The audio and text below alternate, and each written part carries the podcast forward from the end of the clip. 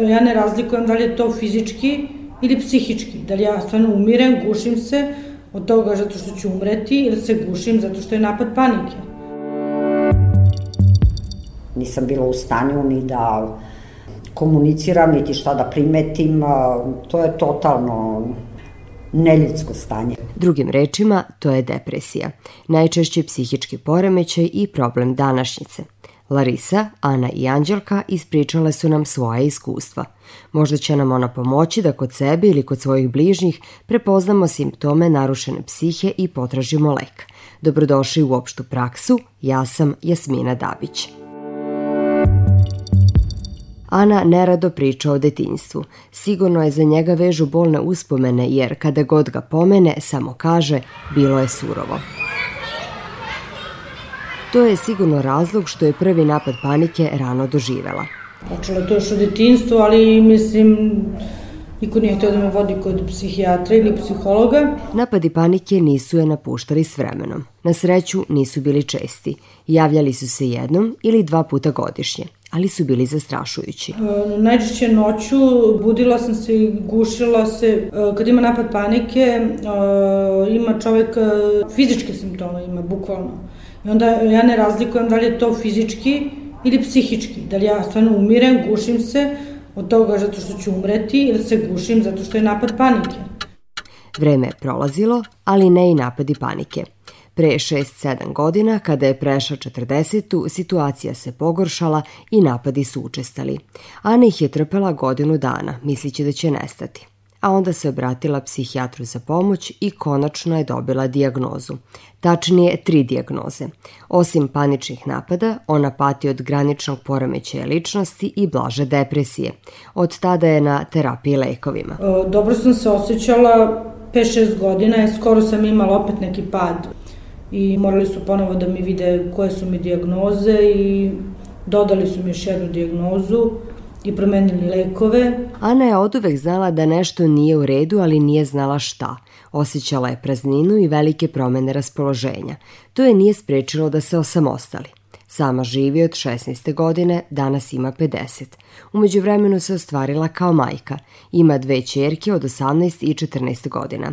Njihov otac je umro ubrzo po rođenju mlađe. Ana je nastavila da se sama brine o njima. Moglo je da ne bude, mislim. Ništa ne bi bilo gore da nisam rodila decu. To. Mada sam prilično fin roditelj. Za mlađu čerku kaže da uopšte ne liči na nju, ali starija joj je sličnija. Ovo starija ima i ono šta će biti, a kako ovo, ako ono to što imam ja. Ove, ima brigu, znači to je na mene, to je, rekli su mi doktori da je to nasledno, ta briga.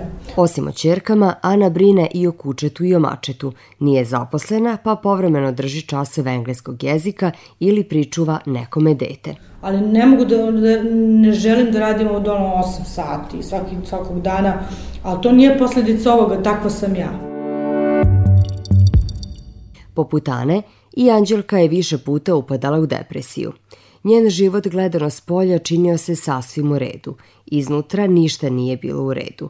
U ranim 30. pala je u depresiju i pola godine provela vegetirajući. Strašno, ja sam mlađa čerku, odvedem je u školu i a, zaboravim da odem po nju. Tada devojčica, a sada 30-godišnja grafička dizajnerka, čerka Marija, tu epizodu mamine depresije i dalje ne shvata. A ne možeš da zamisliš koliko ti je teško da gledaš osobu koju voliš da, da se vrti u krug u nekim situacijama i da ne možeš ništa da uradiš. I 2007. u 43. godini Anđelka opet upada u depresiju. Ovoga puta još dublju. Pa ja sam u jednoj godini izgubila zdravlje, morala da idem na operaciju, a, izgubila posao, izgubila stan, a, živjela sam već a, i pre toga u jako lošem braku. Sa tim bremenom trebalo je ponovo naći posao, zaraditi za život i školovati dve čerke.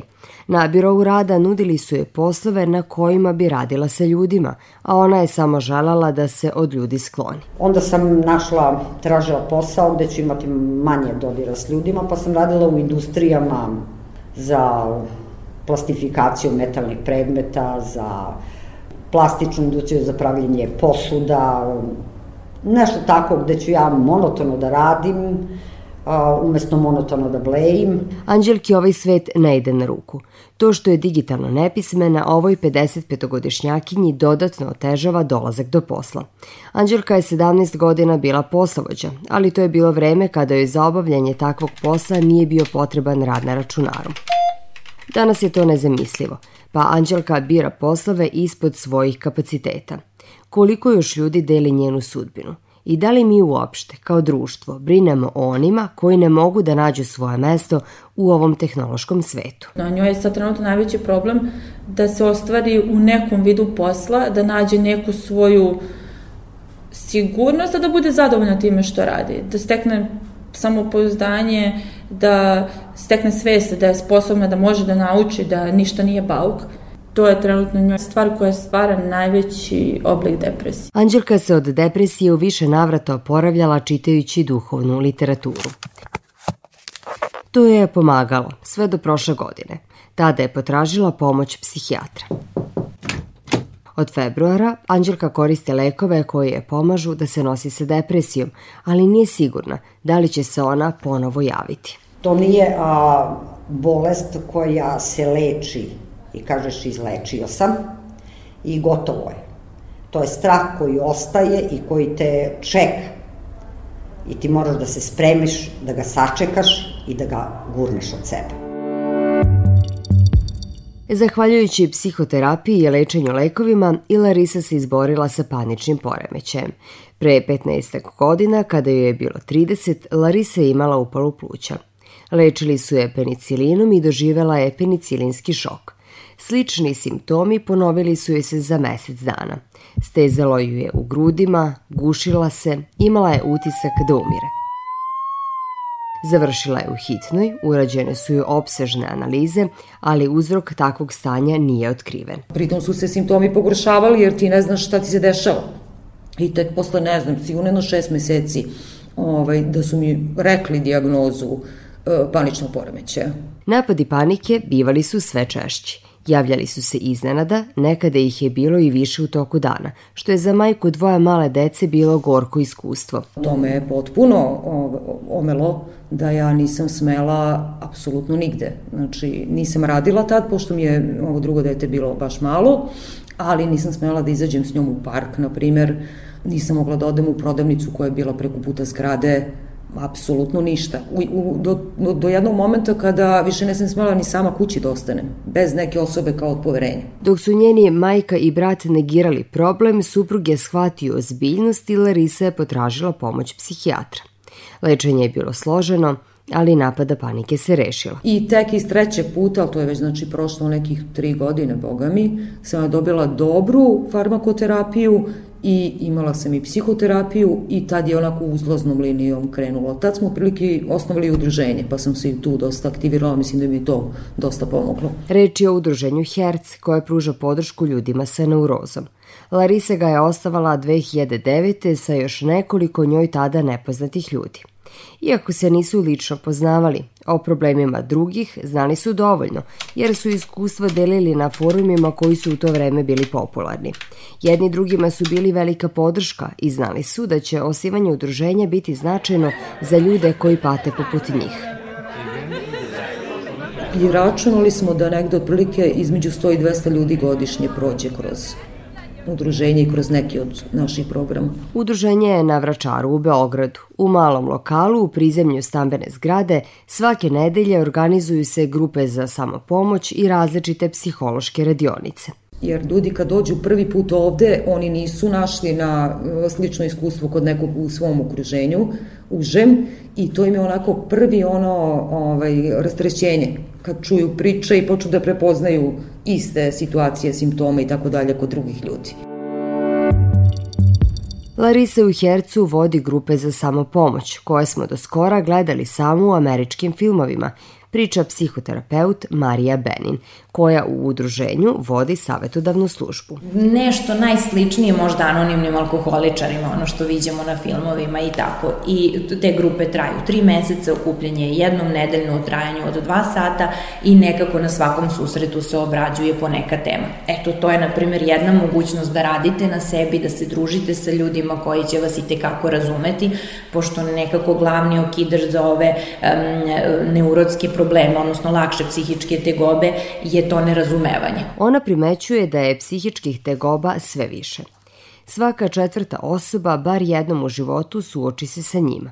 Psihički poremećaji su u našoj zemlji drugi po učestalosti, odmah iza kardiovaskularnih bolesti, a u porastu su i kod dece. Pre svega zbog načina života, kako živimo danas, to jednostavno mora da se odrazi na, na, na sve nas, a prvenstveno na našu decu i na mlađu populaciju, zato što su deca stalno sa telefonom u ruci, um, stalno imaju te neke, ja kažem, imaginarne prijatelje u, u smislu da jako teško um, uspostave neki kontakt um, uživo. Psihičke tegobe ne treba kriti. Ako nas strepnje, strahovi i depresija sputavaju, treba da potražimo pomoć klijentkinje koja je baš radila onako duže na sebi i klijentkinje koja je imala 60 i ja sad ne znam tačno koliko godina, koja je imala panične napade, na primer nekih 30 godina i više i prvi put se javila terapeutu za pomoć. I to je, to je isto pokazatelj da nikad nije kasno da se javite. Tim pre što je ona počela da se vozi autom i gradskim prevozom koja je tolike godine izbegavala. Ako primetite kod neke vaše bliske osobe da postoje neke degobe i te kako možete da pomognete tako što ćete se truditi da motivišete tu osobu da se ona javi. Nikako prisilno ti moraš da ideš i tako dalje, ali nek, na neki način da zapravo pronađe ta osoba kako da motiviše osobu da ona dođe i da jednostavno radi na sebi. Naše sagovornice verovale su da će same savladati strahove i bezvoljnost. Te kada su ih dobro izmučili, potražile su pomoć – sve u hercu. Obično ovi ljudi koji imaju te bolesti imaju oslabljen socijalni život. Onda jednostavno tu dolazim da kažem kako sam, kako mi je, da vidim malo druge ljude, da čujem kako su oni. Mislim da ne više dolazim zbog toga, zato što mi to jedino redovno viđenje sa ljudima. Larisa, Ana i Anđelka godinama se druže u Hercu. Razgovor su prihvatila jer žele da poruče da su psihička obolenja česta, mnogo češća nego što mi mislimo, jer ih mnogo ljudi krije. Od njih može svako da oboli, ali sa njima može da se živi, samo treba naučiti kako. Kažite mi još, kako volite da provodite vreme, u čemu uživate, šta radite? O, pa to otkrivam tek sad. Do sad je bilo do pre šest meseci samo sećanje šta ja, šta sam ja nekad volao. Zadnjih šest meseci uživam u cveću, rešavanju sudokua, pijenju kafe, i slušanju neke malo drugačije muzike. Ima neka tajna veza za sve ljude zakon krut. Pogađate da je reč o bijelom dugmetu. U čemu vi uživate? Podsjetite se ili otkrite, ali uživajte, što češće. Tako se čuva zdravlje. Slušali ste opštu praksu. Hvala na pažnji. Zlatoje Čolović kao dizajner tona efektno je dočaravao svaki doživljaj. Emisiju producirala Goranka Jednak Maksimović. Ja sam Jasmina Dabić i pozdravljam vas do narednog slušanja kada pričamo o poremećajima u ishrani. Upoznajte Jelenu koju su lekari davali tri meseca života. Opštu praksu slušajte četvrtkom u 12.15 na Radio Novom Sadu i uživo i odloženo na sajtu rtv.rs.